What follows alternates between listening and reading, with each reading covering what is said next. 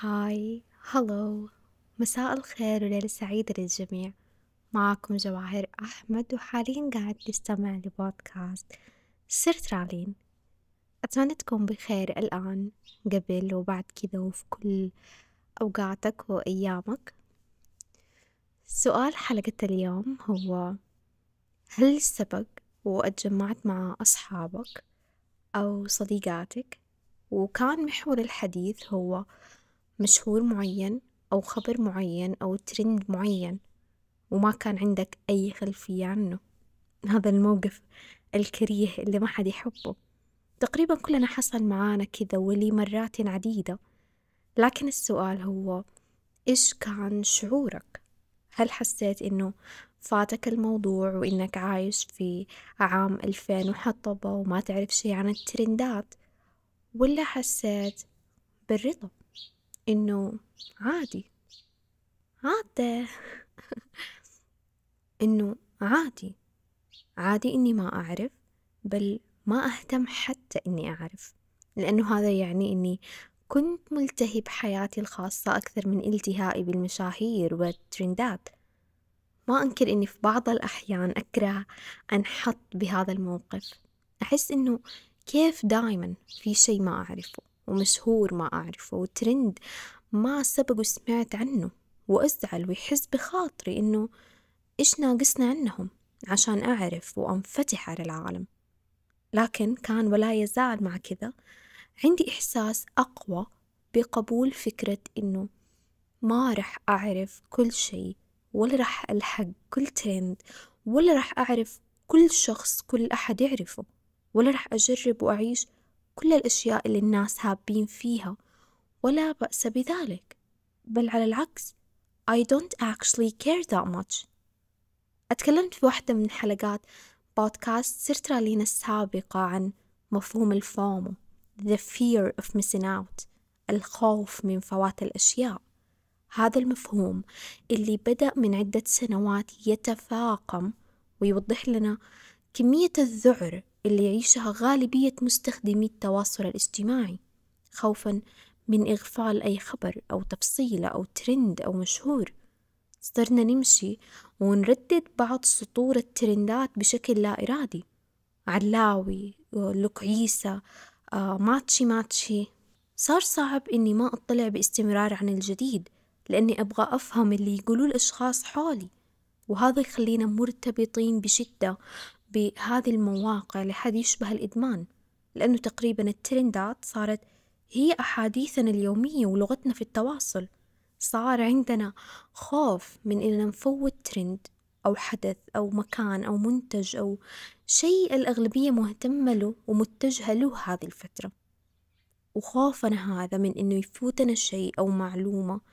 فكرة إنه يعرف أحد غيرنا معلومة قبلنا أو يروح لمطعم جديد في حارتنا قبلنا ويجرب القهوة المشهورة قبلنا أو نفوت على أنفسنا حضور حفلة أو تجمع أو مناسبة فنفوت كل شيء يصير في هذه المناسبة.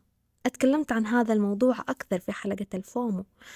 الفكرة إنه هذا الخوف صار حقيقي وتقريبا لا يخلو بيت منه بل ما أبالغ إذا قلت إنه ما في شخص سلم من هذا الخوف ولو في مرحلة ما من حياته. إنه ما أبغى شي يفوتني وكأننا قادرين إننا ما نفوت شي في النهاية.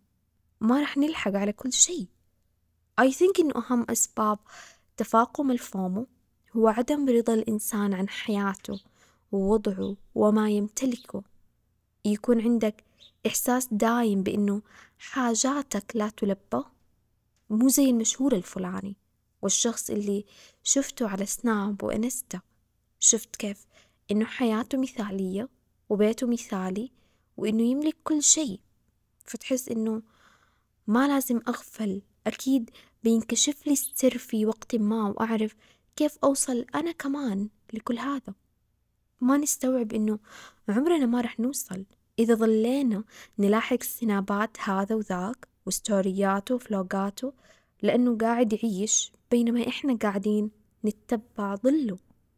بدون ما نستوعب إنه هذا الفومو إحساس إني ما أبغى أفوت أي حلقة أو سناب أو منتج أو تجربة قاعدة تضيع مننا جهد كبير ووقت أكبر وتخلينا في مقارنة دائمة بيننا وبين غيرنا.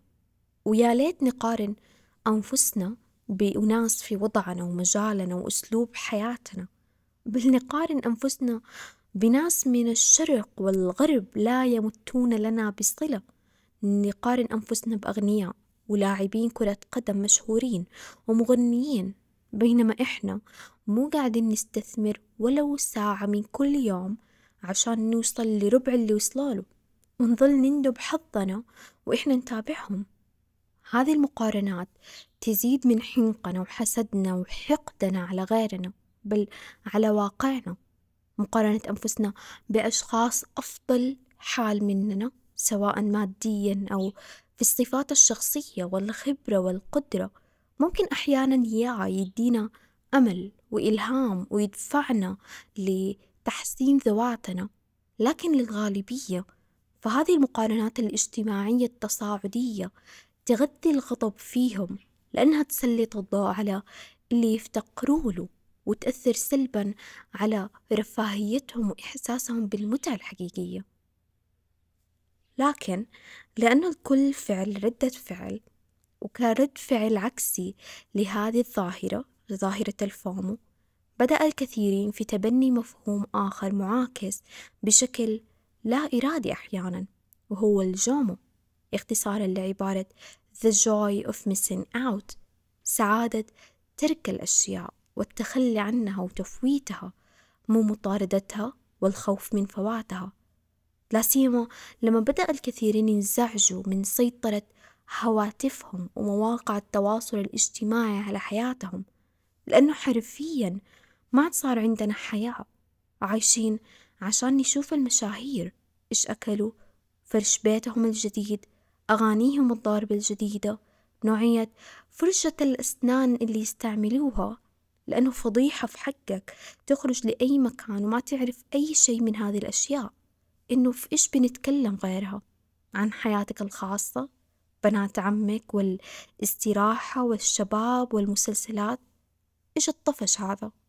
صرنا نطالع لحياتنا اليومية بدونية زايدة عن الحد.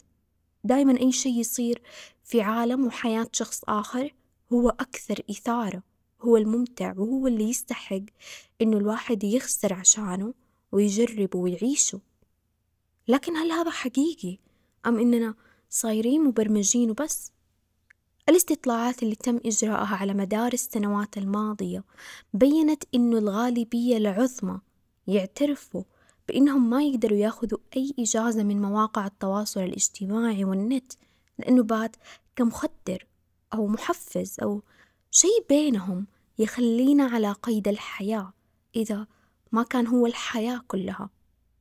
فأتخيل معايا إنه العالم كله منقسم لفقاعتين.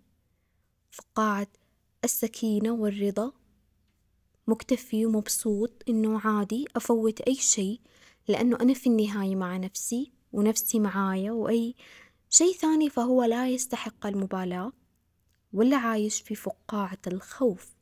خايف تفوت حلقة من مسلسل سنابات مشهور ترند خبر مكان جمعة أي شيء.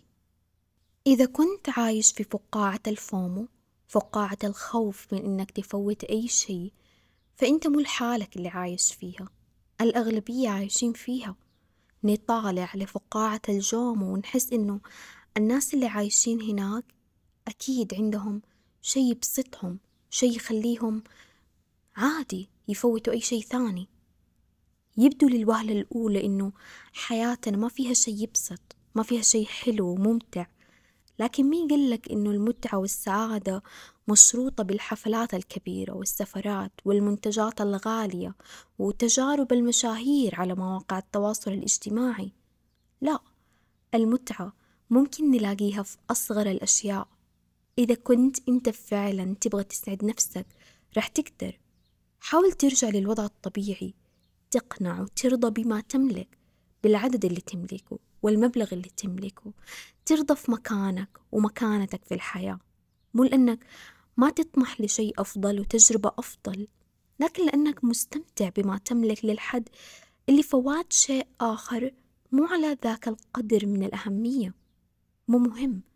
طالما أملك نفسي حياتي أملك أهلي أملك عاداتي وأفكاري وهواياتي وروتيني الخاص قناعاتي الخاصة في وقت صار صعب فيه إنه الواحد يملك قناعاته الخاصة فيه.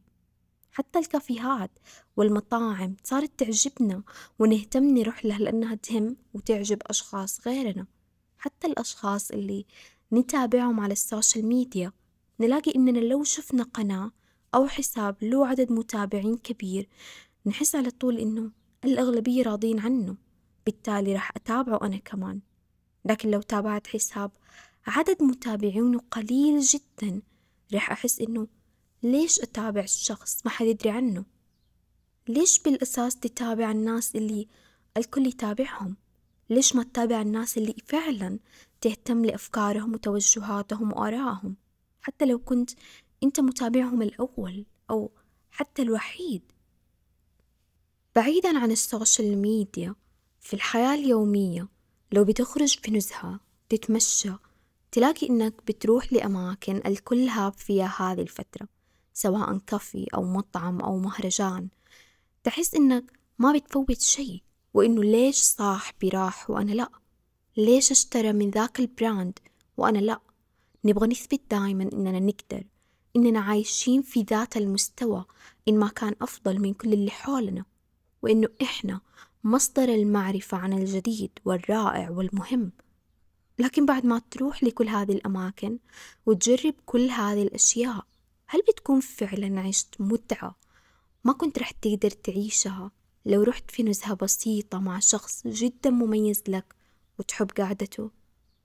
متعة ترك الأشياء تبدأ من إدراك إننا ما نحتاج نقارن أنفسنا بالآخرين. مو لازم نقارن حياتنا طول الوقت بحياة أصحابنا وجيراننا وزملائنا في العمل بحياة المشاهير على مواقع التواصل الاجتماعي.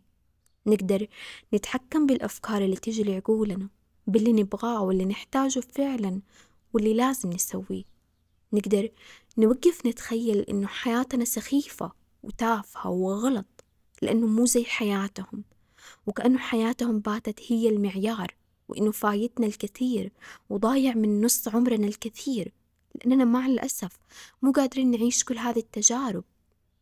أو مو شرط غلط وسخيفة بقد ما إنه مو مثالية مو الحياة المثالية. إلا ما سبق وجاك هذا التفكير. لكن طالما إحنا هنا وطالما هذا اللي نملكه وإحنا مرتاحين مع هذه الفكرة وهي من اختيارنا الخاص بدون تأثير شخص آخر علينا. فهذا يكفي. هذا ممتع كفاية.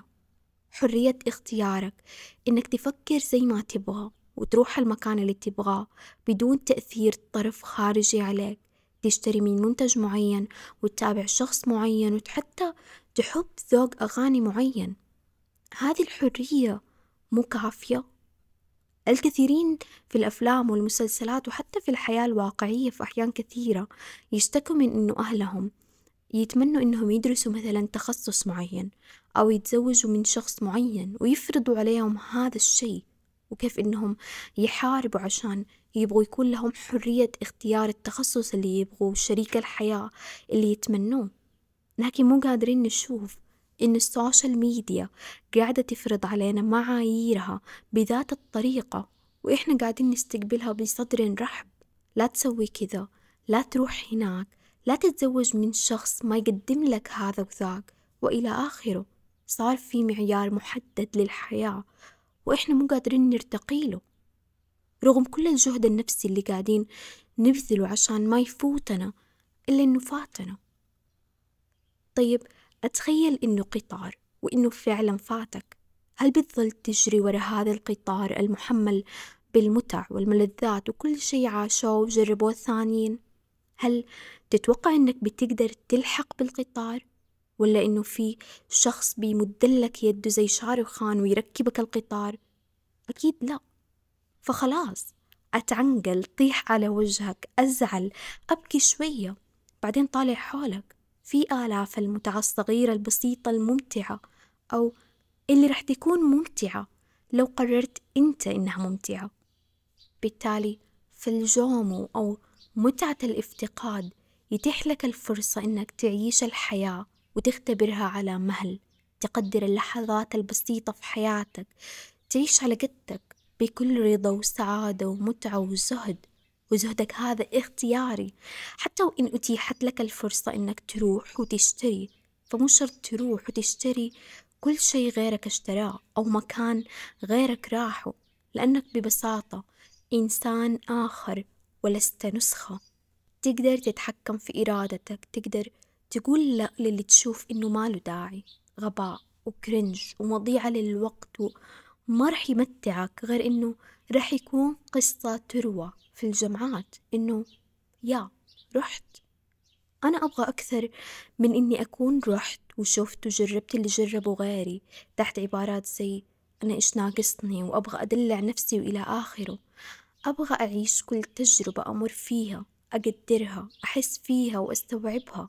أبغى أستوعب مشاعري ليش اخترتها وكيف حسيت فيها؟ هل كانت إيجابية أو سلبية؟ وليش كانت كذا؟ وهل راح تبقى على الأقل كذكرى مضحكة؟ أبغى أستمتع بالمتعة الصغيرة. ما أبغى أحس بذاك الزعل والنكد لما أعرف عن خبر بعد فترة طويلة أو عن منتج الكل يملكه وأنا لأ أو عن مكان الكل زاره عداني. بالعكس أبغى أحس بالفرح لما أسمع غيري يتكلموا عن مشهور معين وترند معين وهبة معينة وأنا ما أعرف شي عنها. ليش؟ لأنه هذا يعني إني كنت بعيدة عن الجوال. هذا يعني بإني كنت عايشة ما يسمى بال JOMO تفويت الأشياء لأجل إني أعيش أشيائي أنا وحياتي أنا. هي مو تجربة فيها متعة غامرة لما تعرف إنك ما تعرف إنما it's okay إني ما أعرف لأني مكتفي بحياتي.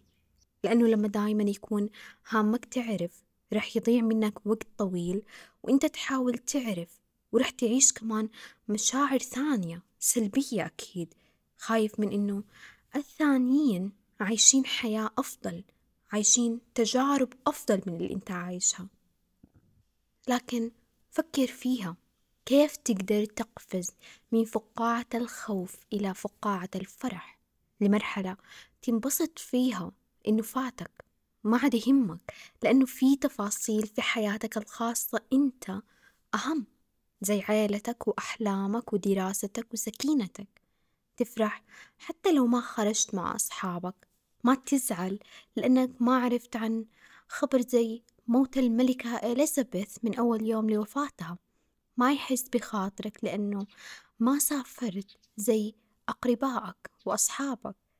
تكون في حالة جوم فرحان وقنوع بنفسك وحالك وحياتك. توصل لهذه الحالة لما تخفف من تعلقك ببرامج التواصل الاجتماعي وبجوالك تقلل من الوقت اللي تقضيه على الجوال بالإضافة لتركيزك على أهدافك وعملك وحياتك بدون ما تقارن نفسك بغيرك لأنه كل إنسان له رحلته الخاصة وطريقه الخاص. البعض يحاولوا بشدة إنهم يعيشوا نوع من الجومو بمجرد ما يستوعبوا إنهم مصابين بالفومو. البعض في نقطة ما يبدأوا يستوعبوا إنهم مهما بيجيوا جالسين لساعات أمام شاشاتهم فما رح يقدروا يتابعوا كافة ما يحدث من حولهم. بينما يشوف البعض بعض من أصحابهم وناس يعرفوهم أكثر سعادة بسبب ابتعادهم عن جوالاتهم يدفعهم هم كمان لتقليل أوقات قضائهم عليها. في وقت ما رح تستوعب إنك قاعد تنفق على الإنترنت وعلى الحياة الافتراضية أكثر من اللي قاعد تنفقه عشان تعيش الحياة الحقيقية. وتبدأ تنفق وقتك ومالك في تجارب حية مو على شراء سلع مادية أو في البقاء على مواقع التواصل الاجتماعي. إذا كنت حاس إنك مصاب بالفومو وتتمنى تجرب شعور الجومو حاول تتحكم شوي بوقتك. وعشان تتحكم بوقتك فلازم تتخلى عن جوالك. هي كده المعادلة. أترك جوالك أكبر قدر ممكن من الوقت. قفله.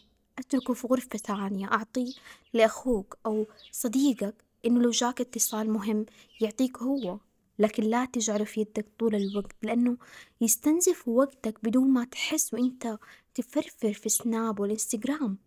وبدلا من هذا الوقت الضايع حاول تشتغل على هواية تحبها. تحب ترسم بس ما عندك وقت. لو تخليت عن جوالك راح تشوف إنه عندك كمية وقت مو داري إيش تسوي فيها. إذا تحب تمشي تسوي رياضة تألف كتاب تفتح قناة على اليوتيوب أتخلى عن جوالك.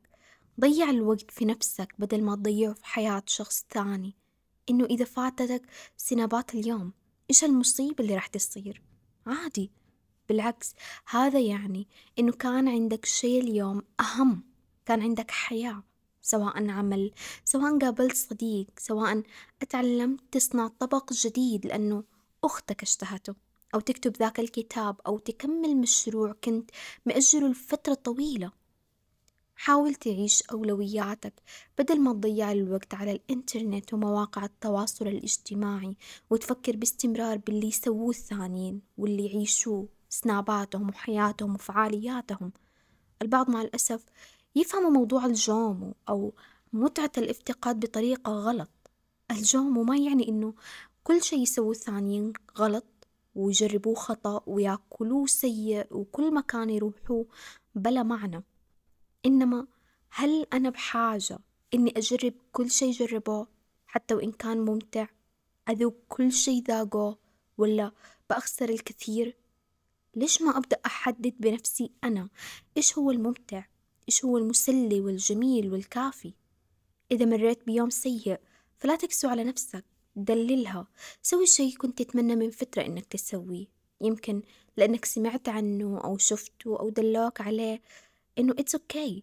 لكن الفكرة إنه ما يكون هدف حياة بل طبطبة من وقت لآخر. أستمتع بوقتك بعيدا عن الجوال ومواقع التواصل الاجتماعي.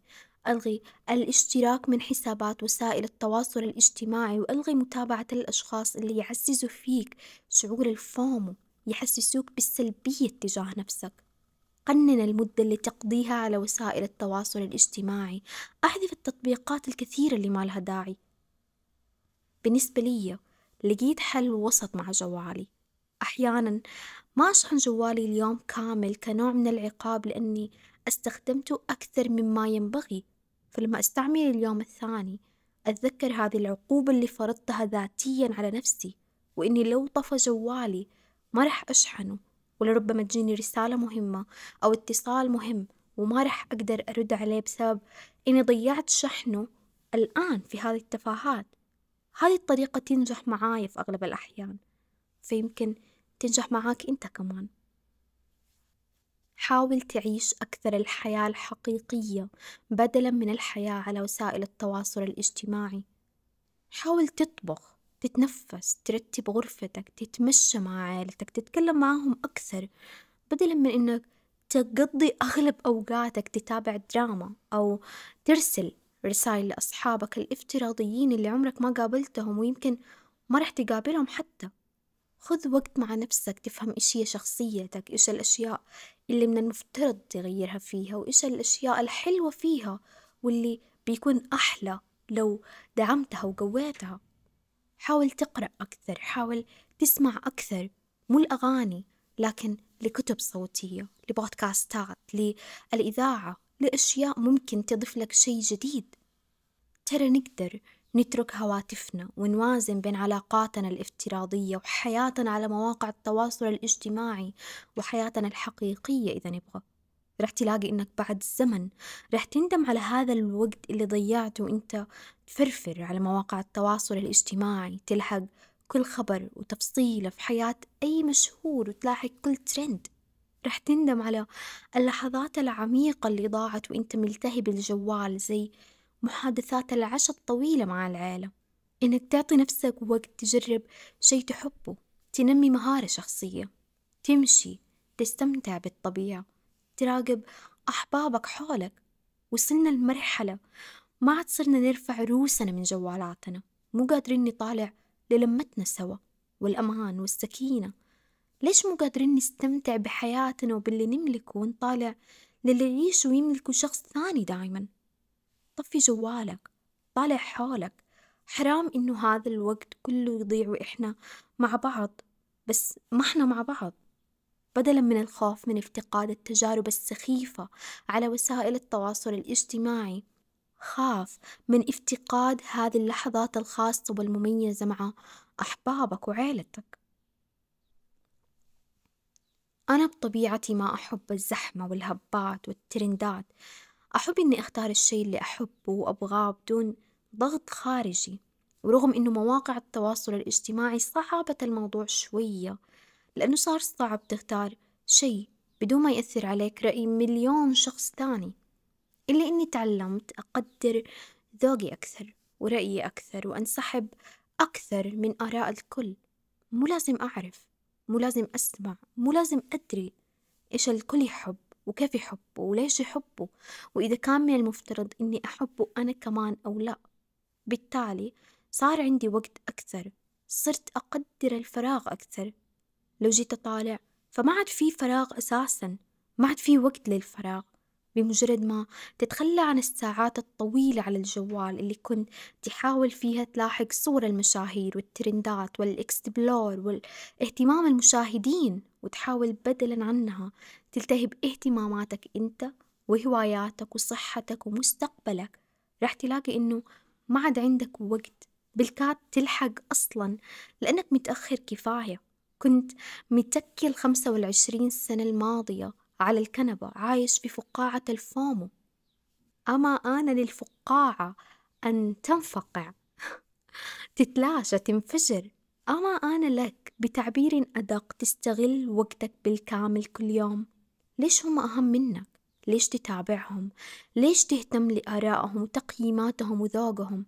ليش ما تتحول أنت كمان لأيقونة ويصير ذوقك ترند ورأيك مهم ولبسك موضة أتبنى مفهوم الجومو أستمتع بإنك تترك مواقع التواصل الاجتماعي وتعيش حياتك لأجل نفسك وتكبر نفسك وتستغل حياتك بدل ما يستغلها غيرك صح ما رح تتحول لمشهور فجأة ولا رح تصير ناجح وثري من أول شهر ولا سنة ولا يمكن خمس سنين.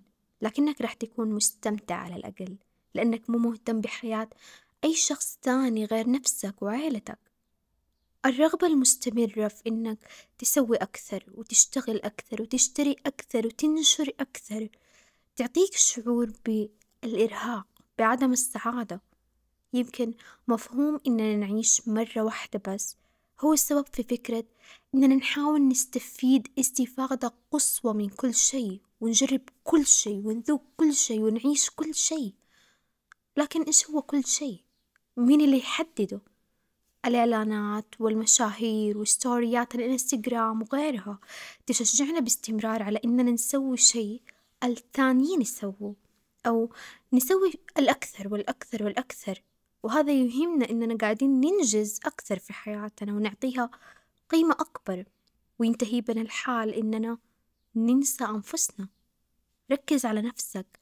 أسأل كيف أقدر أتغير؟ كيف أقدر أكون أفضل وسعيد أكثر؟